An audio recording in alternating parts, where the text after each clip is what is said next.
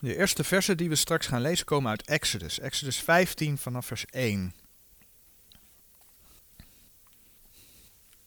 Ja, als wij samenkomen, dan zingen we. En misschien dat mensen in de wereld daar wel raar naar kijken. Waarom zingen ze nu eigenlijk? Misschien vond je het zelf vroeger ook wel raar. Misschien heb je zelf helemaal niks met zingen. Ook dat is een mogelijkheid. Ja, en dat mensen uit de wereld er niets mee hebben en daar makkelijk aan voorbij gaan ook, dat blijkt natuurlijk in deze coronatijd wel.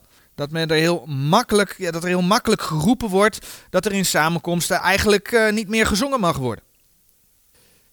En dat er zelfs gezegd is van ja, misschien leidt het wel tot nieuwe tradities. Nu hebben wij niet zoveel met tradities, omdat die tradities vaak haak staan op Gods woorden. Maar zingen is niet een traditie. Misschien ook wel in die zin dat veel mensen zingen omdat het een traditie geworden is, maar zingen is veel meer. De oorsprong van zingen komt bij de Heere God vandaan. Voor in onze liedbundel hebben we dan ook die versen staan uit, uit Efeze 5 vers, vers 19 en 20. De eerste bladzijde. Sprekende onder elkander met psalmen en lofzangen en geestelijke liederen. Zingende en psalmende de Heere in uw hart dankende alle tijd over alle dingen God en de Vader in de naam van onze Heer Jezus Christus. Zingen in de gemeente is dan ook niet voor niets. Zingen heeft een doel. Sterker nog, zingen kan je helpen. En vanmorgen willen we dan ook stilstaan bij het onderwerp zingen. Wat laat de Heer ons daarover zien? Nou, zingen komen we eigenlijk in de hele Bijbel tegen. Het begint met het volk van God, Israël. Dat door de Heere bevrijd is uit Egypte en dan komen ze daar bij de Rode Zee. En dan komen die Egyptenaars achter ze aan en opnieuw bevrijdt de Heere hen. De Heere leidt hen door de zee en vervolgens komen de Egyptenaren om. De Heere zorgt daarvoor en heeft het volk bevrijd. En dan lees je in de eerste twee versen van Exodus 15 het volgende. Toen zong Mozes en de kinderen Israëls de Heere dit lied. En spraken zeggende, ik zal de Heere zingen want hij is hoogelijk verheven. Het paard en zijn ruiter heeft hij in de zee geworpen. De Heer is mijn kracht en lied, en hij is mij tot een heil geweest. Deze is mijn God. Daarom zal ik hem een lieflijke woning maken. Hij is mijn vaders God. Dies zal ik hem verheffen.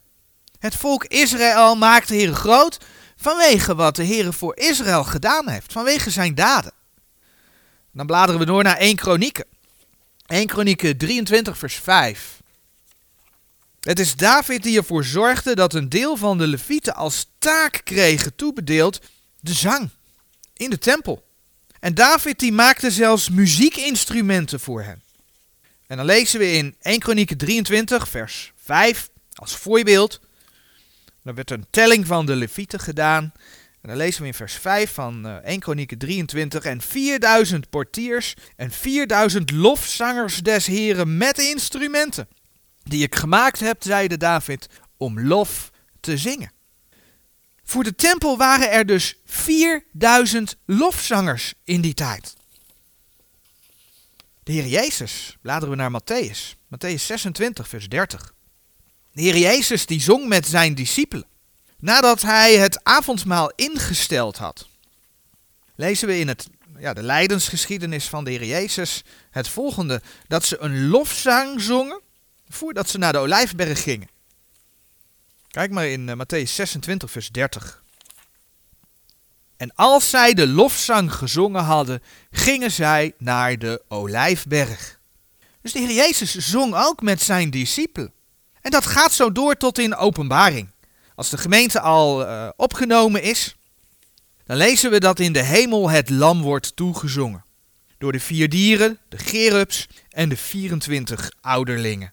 En bijvoorbeeld in openbaring 5, vers 9 en 10, lezen we daar dan over. Openbaring 5, vers 9 en 10.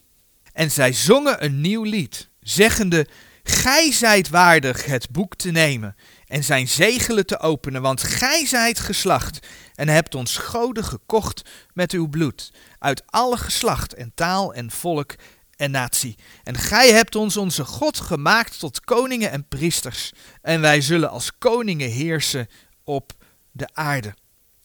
Het eerste deel van vers 9. En zij zongen een nieuw lied. En opnieuw zien we dat de Heer groot gemaakt wordt om wat hij gedaan heeft. Dat lazen we in die versen. En ja, als gemeente, als gemeente krijgen we ook een opdracht om te zingen. Daar waar in Efeze 5 vers 18 klinkt. Efeze 5 vers 18 klinkt en wordt niet dronken in wijn, waarin overdaad is, maar wordt vervuld met de geest. Daar gaat vers 19, want het zijn in feite twee opdrachten die we daar lezen, en dan gaat vers 19 als volgt verder. Sprekende onder elkander met psalmen en lofzangen en geestelijke liederen, zingende en psalmende de Here in uw hart. Dus hoe worden we onder andere vervuld met de geest? door onder elkander te spreken met psalmen en lofzangen en geestelijke liedekens, zingende en psalmende de Heere in uw hart. Dat hoort bij die opdracht. En een ander vers dat daarover gaat is Colossense 3 vers 16. Daar vinden we een tekst met gelijke strekking. Voor de gemeente. Colossense 3 vers 16. Het woord van Christus wonen rijkelijk in u, in alle wijsheid, leert en vermaant elkander met psalmen en lofzangen en geestelijke liedekens, zingende de Heere met aangenaamheid in uw hart. Bewust heb ik ervoor gekozen om deze versen die aan de gemeente geschreven zijn te laten zien. Maar die opdracht vinden we ook al in het Oude Testament. Kijk maar in Psalm 100. Psalm 100 vers, uh, vers 1 en 2. Ik val trouwens iedere keer terug op Efeze 5 vers 19 en Colossense 3 vers 16. Ik denk dat het bekende versen zijn, maar wil je je hand erbij houden, dan is dat mogelijk. Maar we zien dus die opdracht ook in het Oude Testament, Psalm 100 vers 1 en 2. Een lofpsalm. Gij ganse aarde juicht de Heere, dient de Heere met blijdschap, komt voor zijn aanschijn met vrolijk gezang. En natuurlijk is dit, hè, wat we daar in die psalm lezen, nog nooit letterlijk gebeurd. Maar het zal wel gebeuren. Dit is wat gaat gebeuren in duizendjarig vrederijk. Daar hebben we het vanmorgen ook al even over gehad. Dan gaan die volken naar de Here toe. Dan zal de Here geëerd worden, toegezongen worden door alle volken. Dus die opdracht die ziet zelfs nog op de toekomst. Nou, blijkbaar is zingen belangrijk. Het zingen vindt dan ook zijn oorsprong bij de Here. Al voordat de Here de mensen schiep, toen de Heere de aarde formeerde in Genesis 1 vers 1, dan zien we namelijk dat de engelen al zongen. En daarvoor gaan we naar Job. Job 38. Job 38 vers 4 tot en met 7. En daar zegt de Heere God tegen Job, Waar waart gij toen ik de aarde gronde? Geef het te kennen, indien gij kloek van verstand zijt. Wie heeft haar maten gezet? Want gij weet het.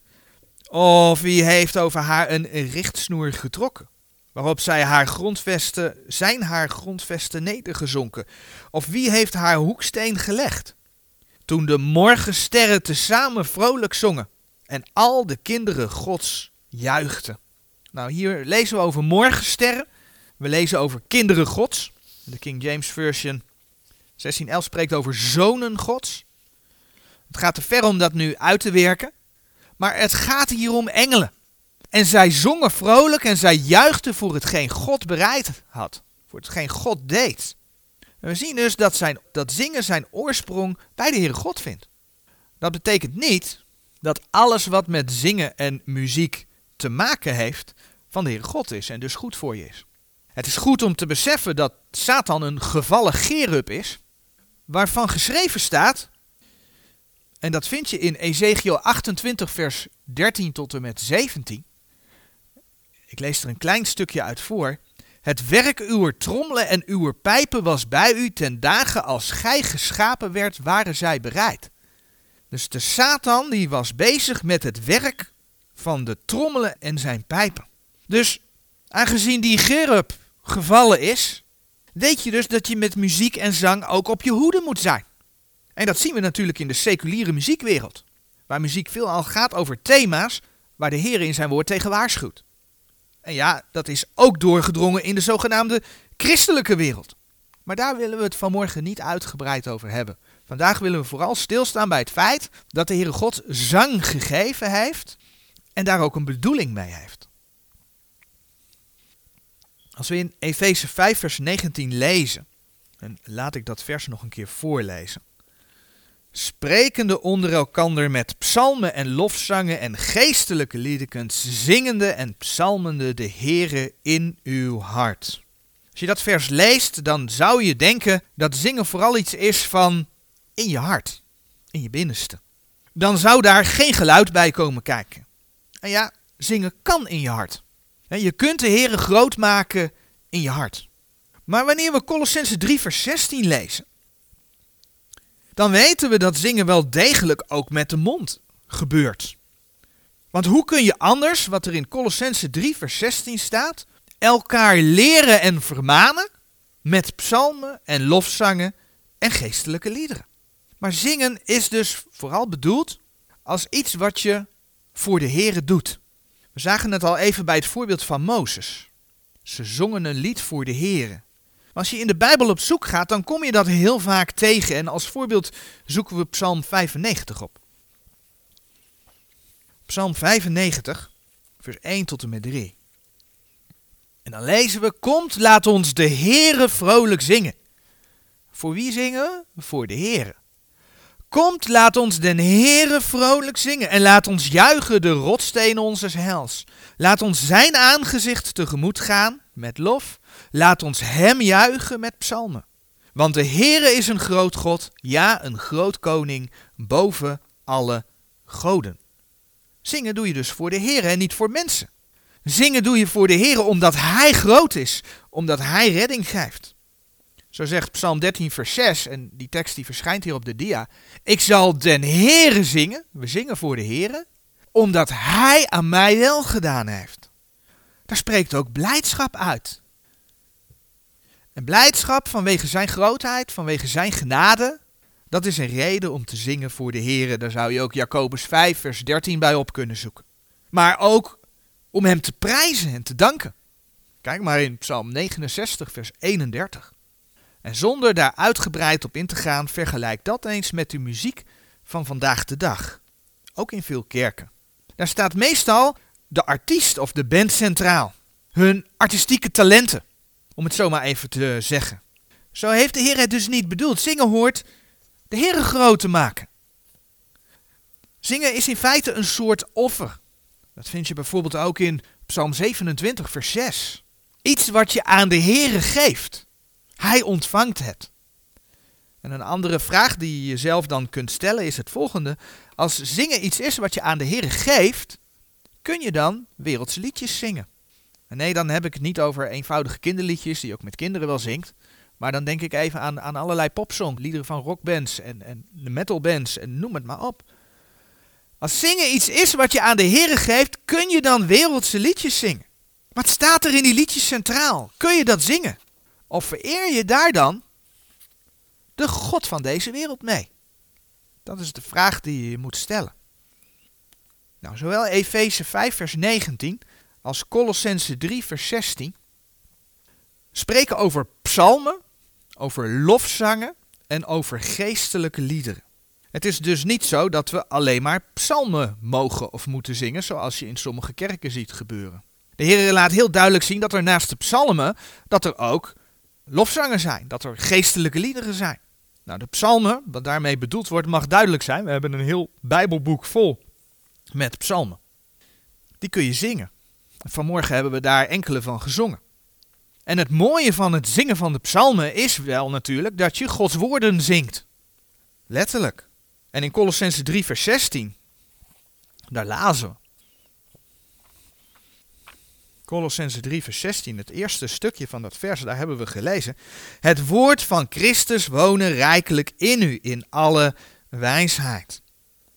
Dus je mag dan Gods woorden zingen. Nog niet zo lang geleden stonden we erbij stil dat de Heer van ons vraagt om te spreken als de woorden Gods. Dat eh, was 1 eh, Petrus 4 vers 11 was dat. Te spreken als de woorden Gods. Hier zien we bij het zingen dus precies hetzelfde. In elk geval bij de psalmen. Want dan zing je de woorden Gods. Maar dat komt ook tot uiting in de andere twee vormen van zang. Een lofzang is een lied waarin God, waarin de Heer Jezus de eer krijgt voor wat hij gedaan heeft. En wat Mozes zong in Exodus 15, waarvan we twee versen gelezen hebben, dat staat niet als zodanig in de psalmen. Maar het maakt wel de Heer groot, vanwege zijn daden. Dus Gods daden worden verteld en daarvoor wordt hij groot gemaakt. En dat kun je in het Nieuwe Testament betrekken op het werk van de Heer Jezus. Een lied dat vertelt over zijn volbrachte werk en dat hem daarom groot maakt. Dat is een lofzang. Veel liederen in de bundel van Johannes de Heer kun je dus een lofzang noemen. wilt gij van zonde en schuld zijn verlost, daar is kracht in het bloed. Daar is kracht in het bloed van het lam. Dat is een lied dat verhaalt welke dure prijs de heiland voor ons betaald heeft om ons te verlossen van zonde en schuld. Of, o liefde Gods oneindig groot, ver boven ons verstand. Die zondaars weer een weg ontsloot naar het hemels vaderland. Een lied dat vertelt over de weg die de heiland ging en de vreugde als iemand tot geloof komt. Of een verwachtingslied dat spreekt over de bijbelse verwachting van de gemeente, de bruid die uitziet naar de komst van de bruidegom. Vol verwachting blijf ik uitzien, tot die dag eens dagen zal, dat de heiland op de wolken weerkomt met bazuingeschal. Hier zing je in feite niet letterlijk Gods woorden, maar deze liederen zijn als een preek. Die liederen zijn als een verkondiging, waardoor je met je stem en in je gedachten met Gods woorden bezig bent. En datzelfde geldt voor de geestelijke liederen. Dat zijn meer de toepassingsliederen. En als we over Bijbelteksten spreken, dan spreken we vaak over de historische uitleg van een vers. Het is zo gebeurd. Over de leerstellige uitleg van een vers. Hè. Voor wie is de Bijbelse leer daarin? Op wie is dat van toepassing? Maar we spreken ook over de geestelijke uitleg. En bij die laatste hebben we het dan vaak over de toepassing. Zit er ook een toepassing in die we op de gemeente kunnen betrekken? Zo heb je ook geestelijke liederen. Leer mij uw weg, o Heer, leer mij uw weg. Schenk van uw kracht mij meer. Leer mij uw weg. Houd mij in evenwicht, dat ik voor uw aangezicht wandel in het volle licht. Leer mij uw weg. Of wat we vanmorgen gezongen hebben. Ik wandel in het licht met Jezus. Het donkere dal ligt achter mij. En ik weet mij in zijn trouw geborgen. Welk een liefdevolle vriend is hij. Ook dit zijn in feite twee korte verkondigingen. Als we het doel van zingen zo bekijken, dan snap je ook dat het belangrijk is dat je weet wat je zingt. Vul je je met Gods woord? Of vul je je met, zoals dat dan ook in, in bijvoorbeeld Genesis 6 vers 5 geschreven staat, met allerlei menselijke gedichtsel der gedachten zijns harten. Het is niet voor niets, dat is alweer een hele tijd geleden, dat wij destijds heel bewust een selectie van liederen gemaakt hebben die in dit, die in dit boekje staan. En dan moet ik ook meteen heel eerlijk bijzeggen dat als we die selectie opnieuw zouden doen, we misschien met een enkel lied ook wel een andere keuze zouden maken. Oké, dat is zo, maar er is wel bewust naar gekeken. Wat willen we zingen? Wat overigens niet wil zeggen, zeg ik er direct bij, dat alle liederen die er niet in staan, dat die per definitie niet goed zouden zijn. Dat heeft ook een beetje te maken met wat ken je en nou, enzovoort, enzovoort. Maar het is, het is belangrijk dat je bewust bent van wat je zingt. Maar we zien dus dat zingen voor de Heer is. Maar ook dat zingen een stukje verkondiging is. Zoals we al zagen, zegt het eerste deel van Colossense 3, vers 16: Het woord van Christus wonen rijkelijk in u in alle wijsheid. Maar dan gaat het als volgt verder. Het woord van Christus wonen rijkelijk in u in alle wijsheid, leert en vermaant elkander met psalmen en lofzangen en geestelijke liederkunst, zingende de Here met aangenaamheid in uw hart. En hierin zien we het verkondigingselement. Als een lied gebaseerd is op de Bijbelse woorden, dan kun je elkaar daarmee leren en vermanen. En daarmee zie je dat als je samen zingt, dat eigenlijk een ieder actief is en deelneemt in de verkondiging. Eigenlijk ben je dan samen als gemeente Gods woorden aan het verkondigen. En dat is mooi. Dat is mooi. Maar hoe zing je dan? Doe je dat zachtjes, binnensmonds? Of doe je dat uit volle borst? Als ik preek, heb ik geleerd om duidelijk te spreken. Als ik ga fluisteren, dan hoort niemand het. Maar zo is het ook met zingen. Stel, iemand neemt iemand mee naar de dienst en het is een ongelovige. En dan wordt er gezongen. Hoor de woorden van de heiland. Die, gij die leeft in vrees en strijd. Kom tot mij, belast belatenen. Ik geef u rust en zaligheid. O, bedenk toch eens te sterven zonder dat gij zijt verlost. Wat geeft dat voor indruk? Nee, dat moet uit volle borst. Hoor de woorden van de heiland, gij die leeft in vrees en strijd. Kom tot mij, belast beladenen. Ik geef u rust en zaligheid. O bedenk toch eens te sterven, zonder dat gij zijt verlost. Dat is op straat precies hetzelfde. Als we gaan straatpreken, dan zingen we ook liederen. En die liederen hebben een bijbelse boodschap. Vaak ook een uitnodigingsboodschap. Maar die komt pas aan als we dat wel duidelijk zingen, als we dat uit volle borst zingen. Dus laat je horen. In Psalm 89, vers 2.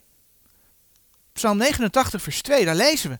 Ik zal de goede tierenheden des Heren eeuwiglijk zingen. Ik zal uw waarheid met mijn mond bekendmaken van geslacht tot geslacht. Ja, en dat is ook wat we elders in de schrift lezen. Toen David op een gegeven moment de ark naar Jeruzalem wilde halen, en dan bladeren we naar 1 Kronieken 13, lezen we wat David daar deed. 1 Kronieken 13, vers 8. En David, 1 Kronieken 13, vers 8. En David en gans Israël speelden voor het aangezicht Gods met alle macht. Zo met liederen als met harpen en met luiten en met trommels en met cymbalen en met trommelen, trompetten. En dat is, dan is het goed om te zien dat het in deze context niet goed ging. Want op een gegeven moment struikelen de runderen, waardoor Uza de ark wil tegenhouden. En Uza sterft dan, dat lees je in vers 9 en 10. Maar de reden daarvan was niet dat men uitbundig speelde, maar omdat men de ark niet droeg op de manier waarop de Heer dat wilde. En als je doorbladert naar 1 Kronieken 15, dan lees je dat in vers 13. En later haalde men die ark alsnog naar Jeruzalem. Alleen hield men dus rekening met Gods woorden. Hield men rekening met hoe de Heere wilde dat de levieten de ark zouden dragen. Dat lees je in uh, vers 15 en vers 26. En dan lezen we in 1 Kronieken 15 vers 16. En David zeide tot de overste der levieten dat zij hun broeders, de zangers, stellen zouden met muziekinstrumenten, met luiten en harpen en cymbalen. Dat zij zich zouden doen horen, verheffende de stem met blijdschap. Verheffende de stem met blijdschap. Je ziet, men fluisterde niet. Men fluistert niet, men verheft de stem. En dan lezen we in vers 28 nog. 1 Kronieken 15, vers 28. Alzo bracht gans Israël de ark des verbonds des Heren op met gejuich en met geluid der bazuin en met trompetten en met cymbalen, makende geluid met fluiten en met harpen. Zingen en juichen gaat in Gods woord vaak hand in hand. In uh, Psalm 98, vers 4 dan lezen we daar nog weer een, mooi voorbeeld van. We hebben het volgens mij ook al gelezen.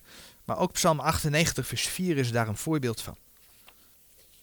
Juicht de Heere, gij ganse aarde, roept uit van vreugde en zingt vrolijk en psalm zingt. Dat is Psalm 98, vers 4. Zingen mag dus ook met muziek.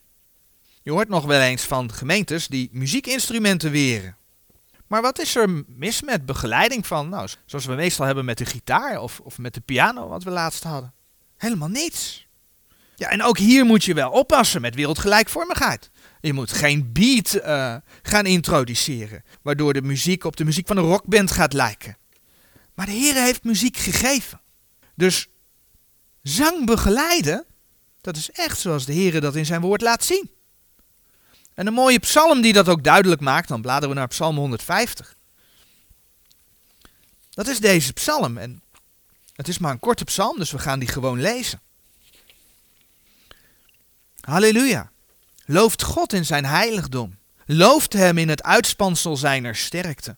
Looft hem vanwege zijn mogendheden. Looft hem naar de menigvuldigheid zijner grootheid. Looft hem met geklank der bazuin. Looft hem met de luid en met de harp.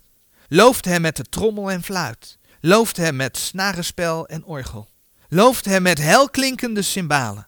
Looft hem met cymbalen van vreugdegeluid. Alles wat adem heeft, loven de Heere. Halleluja. Nou, een ander vers wat je daarbij op zou kunnen zoeken is 2 Kronieken 7, vers 6. Het zingen van liederen kan je ook helpen. We zien bijvoorbeeld heel mooi, en dan bladeren we naar Handelingen 16, hoe Paulus en Silas op een gegeven moment gevangen genomen worden. Ze werden beschuldigd van oproer, ze werden gegezeld en ze werden in de gevangenis geworpen.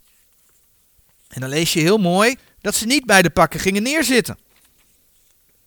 En ja, als je dan dat gedeelte leest, dan lees je ook dat ze bevrijd worden. In Handelingen 16, vers 26. Maar dat wisten ze nog niet toen ze gingen doen wat we in vers 25 lezen.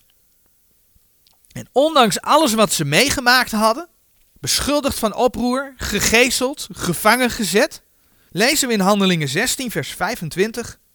En omtrent de middernacht baden Paulus en Silas en zongen goden lofzangen. En de gevangenen hoorden naar hen. Paulus en Silas baden en zongen lofzangen. En de andere gevangenen konden dat getuigenis horen. Maar juist in de nood, in ja, een stukje lijden wat ze ondergingen, want gegezeld worden, dat was niks, niet niks. En dan ook nog in de gevangenis, juist in die nood, zongen zij. We hebben er al bij stilgestaan dat zingen een manier is om je te vullen met de woorden van de Heer, om je gedachten te richten op de Heer. Ik heb het zelf mogen meemaken. Toen ik te maken had met een burn-out, heb ik ook gezongen. En één lied speciaal heb ik eigenlijk veel gezongen. Nee, ik ben geen sterzinger, maar daar gaat het niet om. Het, gaat om je hart. En het lied dat ik veel gezongen heb, dat is een psalm, psalm 23. Dat hebben we ook vanmorgen gezongen. De Heer is mijn herder. En het tweede couplet van dat lied, dat zegt, zelfs al ga ik door een dal van diepe duisternis, ik vrees geen kwaad, want gij zijt bij mij, uw stok en uw staf, die vertroosten mij. Gij richt voor mij een dis aan, voor de ogen van wie mij benauwen. Als je je zorgen over dingen maakt, dan is het goed om je te richten op Gods woord. Dat kan door Gods woord te lezen, maar zingen neemt daar zeker ook een hele belangrijke plaats bij in. Je ziet het in andere psalmen ook. Hoeveel psalmen gaan er niet over? Over, over nood, over, over redding, over boete doen, over benauwdheid en hulp. Ook als je gedachten alle kanten opgaan, dan kan zingen je helpen om je te richten op de Heer. Denk aan de situatie waar de wereld in is. Als dat je gedachten in beslag neemt. Ga een loflied zingen op God, op de Heer, wat Hij gedaan heeft. En dat Hij uh, je draagt. Dat kan je gedachten vullen met zijn woorden, dat kan je rustig maken, zijn vrede geven. Of zoals we wel eerder in Spreuken 12, vers 25 gezien hebben. Daar hebben we in, in andere samenkomst bij stilgestaan. Bekommernis in het hart des mensen buigt het neder, maar een goed woord verblijdt het. Dus zingen komt in de hele Bijbel voor. Door de hele Bijbel heen. We zagen dat zingen eigenlijk ook een opdracht is. Zingen doe je niet voor je medemens, maar dat doe je voor de Heer. Om zijn naam groot te maken, hem te prijzen en te danken. Maar zingen is ook een stukje verkondiging. Een stukje verkondiging. En om die verkondiging effectief te laten zijn, verhef je je stem. Luid en duidelijk. En tenslotte helpt zingen je om in tijden van zwarigheid je te kunnen richten op de Heer. En laten we afsluiten met een kort psalm waar dat ook zo mooi in duidelijk wordt en dat is psalm 13. Psalm 13. Een psalm van David voor de opperzangmeester. Hoe lang, heren, zult gij mij steeds vergeten? Hoe lang zult gij uw aangezicht voor mij verbergen? Hoe lang zal ik raadslagen voornemen in mijn ziel, droefenis in mijn hart bij dag? Hoe lang zal mijn vijand over mij verhoogd zijn? Aanschouw, verhoor mij, Heere mijn God, verlicht mijn ogen, opdat ik in de dood niet ontslapen. Opdat niet mijn vijand zeggen, ik heb hem overmocht, mijn tegenpartijders zich verheugen wanneer ik zou wankelen. Maar ik vertrouw op uw goede tierenheid. Mijn hart zal zich verheugen in uw heil. Ik zal de Heere zingen, omdat Hij aan mij wel gedaan heeft. Amen.